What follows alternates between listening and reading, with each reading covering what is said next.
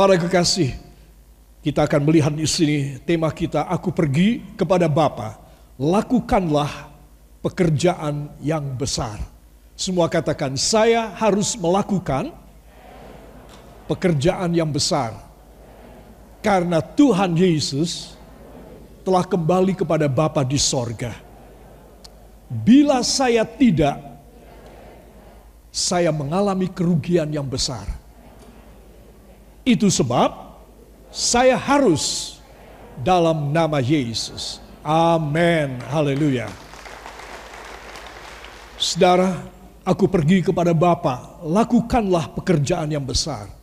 Sebuah ayat ini kita akan membuka bersama dari Alkitab kita lebih dahulu dari Yohanes pasal yang ke-14 ayat yang ke-12. Satu, dua.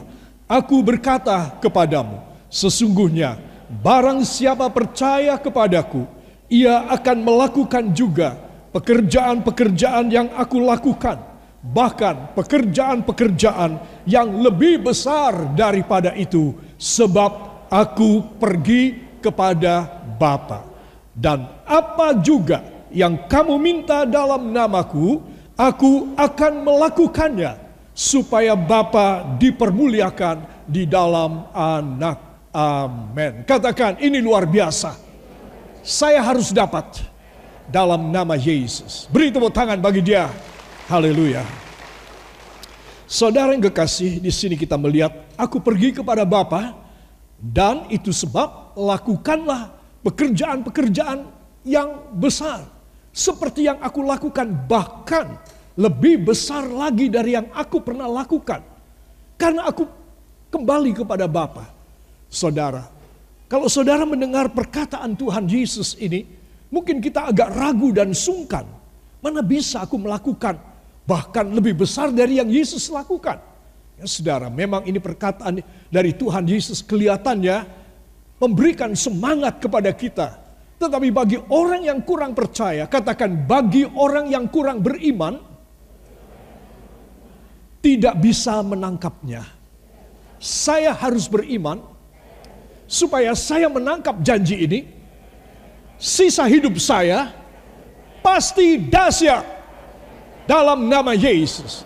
Amin. Haleluya. Jadi apa sebab anak-anak Tuhan tidak dahsyat hidupnya? Tidak kunjung keluar dari kemiskinan, dari persoalan, dari problema, dari prahara, dari keputusasaan. Apa yang membuat mereka tidak bisa beranjak dan move on?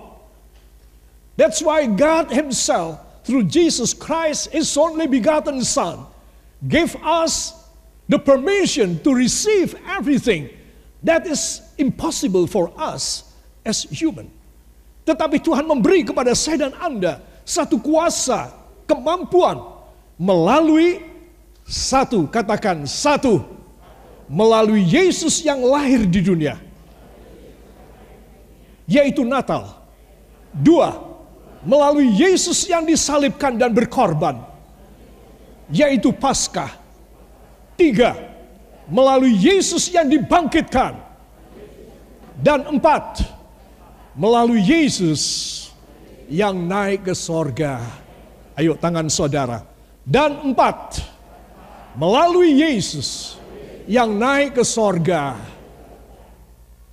Ayo, nggak boleh turun yang naik ke sorga. Beri tepuk tangan bagi dia. Haleluya. Saudara itu sebab saya ingin bersama dengan Anda melihat rahasia di balik ini semuanya. Dan saya yakinkan semua yang dalam keadaan luka batin, semua yang dalam keadaan kesakitan, dalam keadaan kekurangan, bahkan keadaan yang tidak menentu dalam hidup Anda, saudara, akan mendapatkan rahasianya. Karena semua tugas Yesus yang di dunia sudah purna. Katakan sudah purna. Sudah komplit. Ketika Yesus naik ke sorga. Saudara, masa dia sudah menyelesaikan semuanya. Namun saya dan saudara belum dapat. Saudara, itu sebab saya dan saudara perlu memperhatikan firman ini. Karena ini merupakan rahasia daripada saudara. Karena kita masih ada di dunia ini, saudara. Dan dia memberikan perjanjian yang tidak tanggung. Katakan perjanjian yang tidak tanggung. Perjanjian yang dahsyat. Harus saya terima. Tangan saudara, harus saya terima.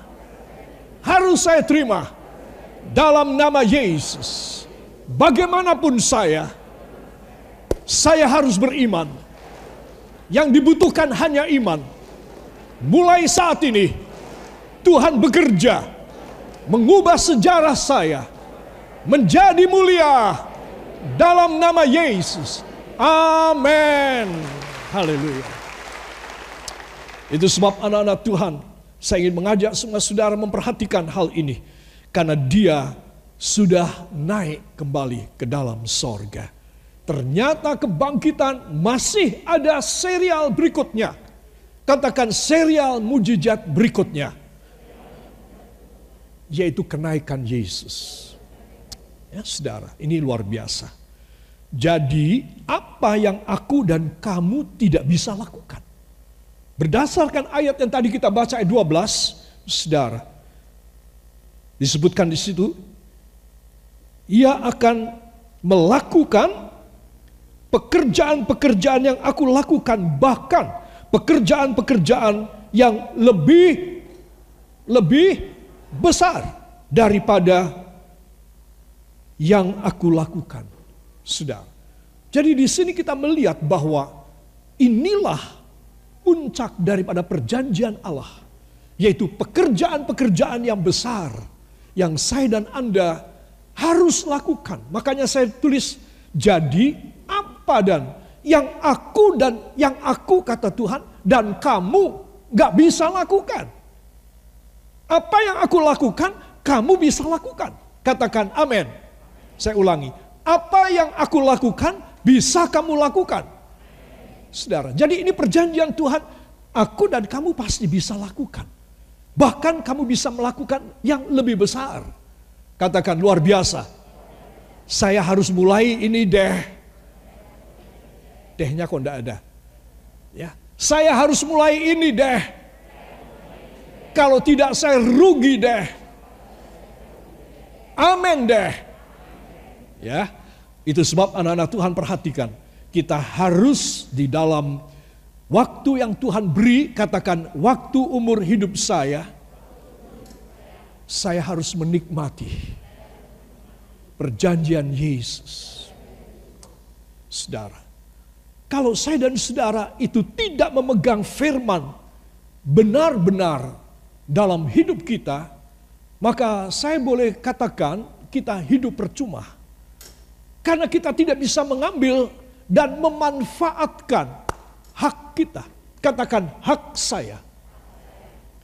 Saudara, jadi hak saudara dan hak saya harus bisa kita manfaatkan. Makanya saya bilang, jadi apa yang aku, sabda Yesus, dan kalian gak bisa lakukan. Semua katakan tidak ada. Saya ulangi.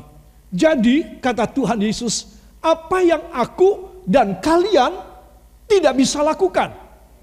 Tidak ada. Katakan berarti saya pasti bisa. Perkara-perkara yang besar harus saya raih semasa saya hidup dalam nama Yesus. Amin. Haleluya. Saudara yang kekasih, itu sebab saya ingin mengajak semua saudara untuk membaca yang di bawah ini. Yang membatasi kamu tidak bisa menerima. Artinya kamu sudah ingin berbuat hal yang besar seperti yang aku firmankan dalam Yohanes 14 12. Namun kamu tidak bisa. Kamu sudah ngotot, kamu sudah beriman untuk melakukan. Entoh kamu tidak dapat. Nah, saya perlu menulis di bawah ini yang membatasi, katakan yang membatasi saya terhadap Yohanes 14 12 adalah kehendak Tuhan. Saudara, ini luar biasa. Ya, saudara. Sebab apa kalau semua orang bisa melakukan apa aja yang dia minta kepada Bapa di dalam nama Yesus, maka bisa jadi semua orang akan besar kepala, akan congkak, arogan, keras hati, saudara. Seperti orang-orang pada zaman dahulu, saudara, ketika mereka membangun menara yang tinggi, saudara, ingin mencapai sorga, karena mereka menganggap apa saja mereka bisa. Saudara yang kekasih, semua katakan, namun tidak demikian. Ada yang membatasi saya sehingga Yohanes 14, 12 tidak bisa terjadi pada saya. Yaitu kehendak Tuhan. Amin. Kalau kehendak Tuhan, saya minta apa? Nggak dikasih. Karena bukan kehendak Tuhan. Saudara. Jadi itulah yang membatasi kita. Coba kita akan membaca sebuah ayat dari 1 Korintus 4 ayat yang ke-6.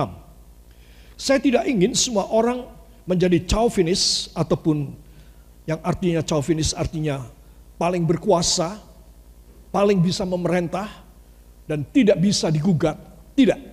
Ya, Alkitab memberikan kepada kita hak untuk menerima kuasa dengan S dan K. Katakan dengan S dan K. Yaitu syarat dan ketentuan. Ya, saudara, jadi kita tidak boleh takabur, ya, kita tidak boleh arogan, karena kita walaupun kita boleh melakukan apa saja yang besar di dalam nama Yesus karena dia pulang ke rumah Bapa di sorga, namun kita tetap harus merendah. Ada di bawah daripada kehendak Allah. Amin. Jadi kita tidak boleh berdoa itu memerintah Tuhan. Berdoa itu mengharuskan Tuhan melakukan kepada kita. Ya, ayo kita baca. 1 Korintus 4 ayat yang ke-6. Satu, kita mulai dari judulnya. Satu, dua, rendahkanlah dirimu. Saudara-saudara, kata-kata ini aku kenakan pada diriku sendiri dan pada Apolos karena kamu. Supaya dari teladan kami, kamu belajar apakah artinya ungkapan. Jangan melampaui yang ada tertulis, supaya jangan ada di antara kamu yang yang yang menyombongkan diri dengan jalan mengutamakan yang satu daripada yang lain. Katakan ini luar biasa. Ini sungguh rohani. Saudara, kalau nggak ada ayat ini, semua orang, ya saudara, seenak mereka, semau mereka, saudara. Kita semau gue, tidak bisa. Walaupun Yohanes 14, 12 mengatakan kamu akan melakukan pekerjaan-pekerjaan yang besar. Bahkan lebih besar dari yang pernah aku lakukan. Saudara, semua katakan, namun ada batasnya. 1 Korintus 4 ayat 6. Saya tidak boleh melampaui yang tertulis. Saudara, apa yang tertulis saudara? Yang tertulis adalah orang bilang, ya nasib deh. Suratan nasib. Ya saudara, itulah yang tertulis. Bukan, yang tertulis adalah kehendak Allah yang tertulis di dalam firman. Katakan tulisan firman yang membatasi saya untuk saya merendahkan diri yang mau beri tepuk tangan bagi dia. Haleluya. Itu sebab tadi kita sudah baca, saudara, ya. Supaya dari teladan kami kamu belajar apakah artinya ungkapan. Ya, saudara. Apa artinya ungkapan? Yaitu apa? Jangan melampaui yang ada tertulis. Saudara. Jadi semua yang kita imani dan itu akan terjadi Menurut iman kita Yohanes 14, 12, kita tidak boleh overacting, kita tidak boleh overlapping dengan kuasa dari Allah. Kita harus merendahkan diri. Jadi kenaikan Yesus kembali ke sorga itu membuat jarak kita dengan dia semakin jauh. Sudah. Jarak kita semakin jauh dengan dia. Kamu harus rendah hati. Rendahkan dirimu. Supaya apa? yang sudah tertulis tentang kamu di dalam firman dan juga apa yang sudah aku tetapkan bagi kamu jangan kau lampaui jangan kau lewatin kau harus ada di bawahku supaya aku bisa mengcover kamu akulah covering katakan Tuhan Yesuslah tudung covering saya yang mengcover saya bila saya melonjak mengatasi dari apa yang tertulis, saya akan keluar dari tudung. Tuhan tidak akan bertanggung jawab karena saya tidak di cover. Jadi saudara di sini kita melihat banyak hal yang kita menganggap bahwa firman ini saudara pasti aku bisa lakukan. Itu sebab kita memerintah.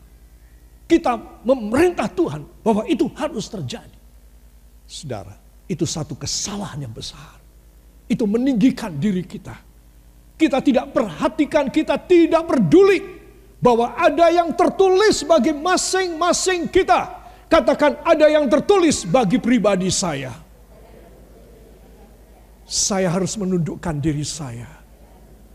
Walau saya mempunyai hak. Yohanes 14, 12 yang setuju beri tepuk tangan bagi dia. Haleluya. Jadi di sini ayat ini memberitahu kepada kita bahwa kita akan boleh melakukan apa saja.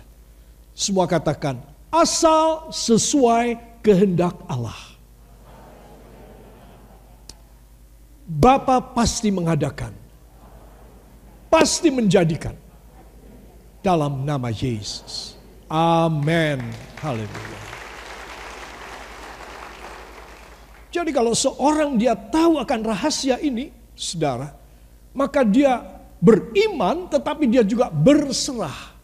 Katakan, saya harus beriman, namun juga harus berserah. Iman dan berserah membuat kehendak Allah yang sempurna. Amin. Haleluya. Jadi ini yang kita tidak boleh lupakan, ya. Apakah kamu lupa ungkapan ini, peribahasa ini? Jangan melampaui apa yang sudah tertulis. Semua katakan, jangan melampaui apa yang sudah tertulis. Akan membuat saya tetap di bawah tudung covering Allah. Saya akan save. Saya akan aman di dunia sampai ke sorga. Amin. Haleluya. Para kekasih ini pendahuluan yang perlu saya sampaikan kepada Anda. Sebab dalam Yohanes 14 ayat 12 sekali lagi kita akan baca. Satu, dua. Aku berkata kepadamu, sesungguhnya barang siapa percaya kepadaku, ia akan melakukan juga pekerjaan yang aku lakukan bahkan pekerjaan-pekerjaan yang lebih besar daripada itu. Sebab aku pergi kepada Bapa. Amin. Barang kekasih. Jadi berdasarkan Yohanes 14, 12, saudara, katakan itulah covering saya. Saya tidak boleh melampauinya. Supaya saya safe dalam nama Yesus. Beri tepuk tangan bagi dia. Haleluya. Saudara yang kekasih, peristiwa kenaikan Yesus ini adalah pendahuluan, ya, preambul dari pencurahan Roh Kudus. Pada 10 hari kemudian ketika Yesus memberikan perintah para murid untuk mereka bersehati di atas kamar loteng, saudara, 120 murid. Katakan 120 murid. Saudara, mereka nyaris tidak turun kecuali kebutuhan kepepet mereka turun ke bawah dan mereka naik lagi ke atas berdoa. Ya saudara, mungkin mereka turun ke bawah, mereka makan nasi bungkusan atau nasi dos atau lain sebagainya, naik lagi dan berdoa lagi. Tidak siang, tidak malam, tidak dini hari, tidak pagi, mereka terus berdoa. Sampai roh kudus turun. Saudara, itu namanya Pentakosta, pencurahan roh yang pertama di dunia. Itu didahului dengan apa? Dengan mereka datang di hadirat Tuhan. Saudara, beberapa tahun kemudian, katakan beberapa tahun kemudian, semua rasul mengalami hal yang sama. Saudara ya. Di sini di dalam 1 Korintus 16 ayat 8 dan ayat yang ke-9, mari tolong dibuka pada Alkitab Saudara. 1 Korintus 16, para kekasih. Ayat 8 dan ayat yang ke-9, Rasul Paulus menuliskan, ya saudara, ini sudah ada di depan ini. Siap? Satu, dua. Tetapi aku akan tinggal di Efesus sampai hari raya Pentakosta. Sebab di sini ada banyak kesempatan bagiku untuk mengerjakan apa? Mengerjakan apa? Tolong semua katakan mengerjakan apa? Pekerjaan yang besar dan penting. Ulangi, pekerjaan yang besar dan penting. Saya ingin yang ini. Dalam nama Yesus, saya merindukannya. Pekerjaan yang besar dan penting dalam nama Yesus terjadi dalam hidup saya. Amin. Hebat ya, hebat.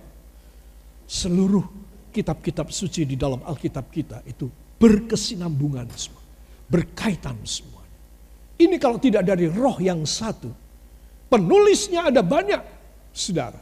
Ilham oleh roh kudus diberikan pada banyak orang untuk menuliskan. Tetapi semua pada satu orkestrasi yang harmoni.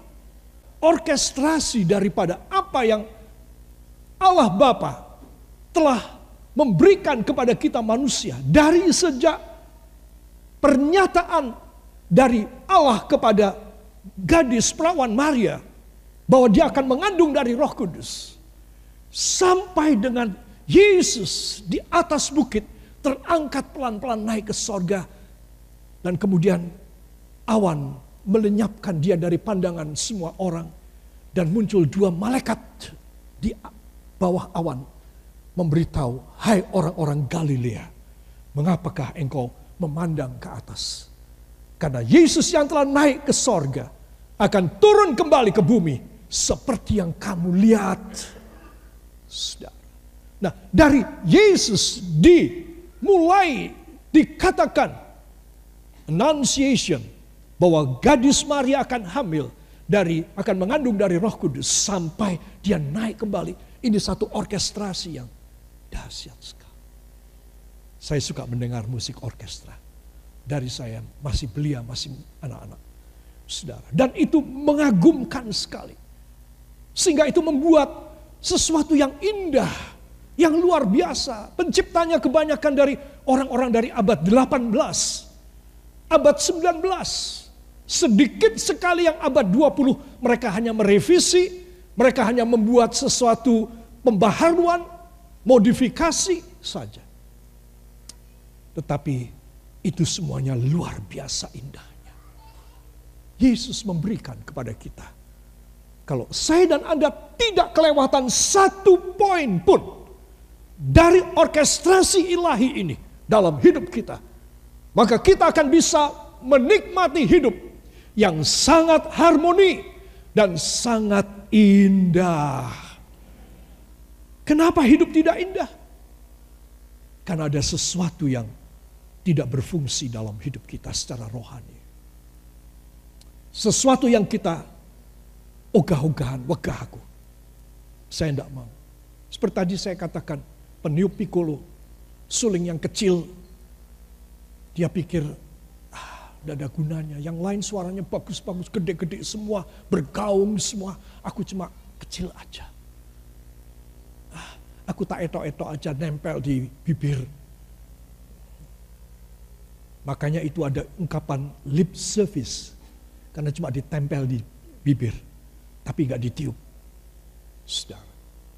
Jadi kalau saya dan saudara tidak mendapat apa yang menjadi perjanjian dari Tuhan, saudara, maka saya dan saudara kita akan kena tegur. Kenapa kamu? Kamu ada yang lalai di sini. Kamu ada yang tidak kamu kerjakan di sini. Kamu ada yang acuh tak acuh di sini. Kamu merasa jemu dan bosan di sana. Kamu merasa tidak berguna karena ini. Kamu membutuhkan semuanya dan semua harus aktif secara rohani di hadapan hadiratku anakku. Supaya hidupmu indah, supaya hidupmu harmoni, supaya hidupmu penuh dengan kemuliaanku. Sebab di sini Rasul Paulus mengatakan, tetapi aku akan tinggal di Efesus sampai sampai hari raya Pentakosta. Sampai hari raya Pentakosta. Apa artinya? Dia sangat fokus tertuju kepada Pentakosta, pencurahan Roh Kudus. Apa ekskuisitasnya? Lihat, sebab ada banyak kesempatan bagiku untuk mengerjakan pekerjaan yang besar dan penting. Wah, hebat nih Paulus. Dia mau dapat gang dau yang besar dan dia mau mendapat pekerjaan yang penting. Saudara. Saudara pikir rohani itu tidak menyangkut soal jasmani? Tidak. Semua katakan, perkara rohani sangat menentukan perkara jasmani. Jadi saudara mesti tahu rahasia dan rumus ini. Ini adalah sesuatu rumus ataupun sesuatu aksioma. Katakan aksioma. Aksioma adalah rumus yang tidak perlu dibuktikan. Karena memang sudah begitu. Saudara. Saudara tidak perlu membuktikan bahwa Bila saya melempar benda ini ke atas, dia tidak terus menerobos plafon, terus menerobos genteng, terus naik ke atas. Tidak. Saudara yakin dari anak kecil, kalau dilempar jatuhlah dia ke bawah. Itu tidak usah dibuktikan. Saudara, ini aksioma. Ini adalah hukum Newton. Hukum gravitasi. Itu satu aksioma yang tidak perlu dibuktikan. Saudara, kalau saya dan Anda juga demikian, Tuhan, hamba mau fokus pada Pentakosta. Hamba mau fokus pada engkau mencurai hamba dengan roh kudusmu. Saudara, itu berarti saudara mengatakan, itu berarti hamba menyerahkan semua yang tidak harmoni, semua yang tidak bisa bekerja, semua yang tidak bisa efektif dan produktif secara orkestrasi dalam hidup hamba. Hamba persembahkan dalam tanganmu Tuhan Supaya hidup yang kurang berguna ini, hidup yang kurang berhasil ini, hidup yang kurang bahagia ini, hidup yang kurang diberkati ini, engkau rubah menjadi hidup yang penuh dengan kasih karunia yang dahsyat dalam hidup hamba. Saya merindukannya. Supaya Anda semua mengalaminya. Hidup tidak lama lagi. Mau berapa lama saya mau tanya? Hidup cuma sebentar. Itu sebab Anda dan saya harus seperti apa yang dikatakan oleh Rasul Paulus, dia mau meninggalkan bahkan Yerusalem dia tinggal. Dia mau tetap ada di Efesus sampai hari Pentakosta. Walau di Efesus ada banyak penentang-penentangku, gak apa-apa, no problem. Katakan, no problem, it's okay, never mind. Saudara, dia mau menghadapi semua penentang. Dia tidak mau lari dari kenyataan. Tidak, itu bukan Paulus. Saudara, tapi aku akan tinggal di Efesus sampai hari raya Pentakosta sebab di sini di Efesus ini ada banyak kesempatan bagiku untuk mengerjakan pekerjaan yang besar, sudah pasti pekerjaan Tuhan dan penting, sudah pasti pekerjaan Tuhan. Tetapi ternyata Paulus di sana mendapatkan berkat banyak jiwa dan juga dia mendapat banyak berkat. Untuk apa? Untuk orang-orang yang dia latih untuk melanjutkan pekerjaan pekabaran Injil dan misioneri pada waktu itu abad yang pertama Masehi. pada gereja awal. Saudara, kita tahu bila kita percaya kepada apa yang diarahkan oleh firman, kita pasti mendapat pekerjaan yang besar dan penting. Katakan, bila saya sesuai dengan firman, saya akan selalu pasti dipercaya oleh Tuhan. Angkat tangan saudara. Saya akan pasti dipercaya oleh Tuhan menerima pekerjaan yang besar dan penting dalam nama Yesus. Semua penentang akan saya hadapi. Dalam nama Yesus, saya akan mengalami kemenangan karena Roh Kudus akan membela saya. Amin. Haleluya.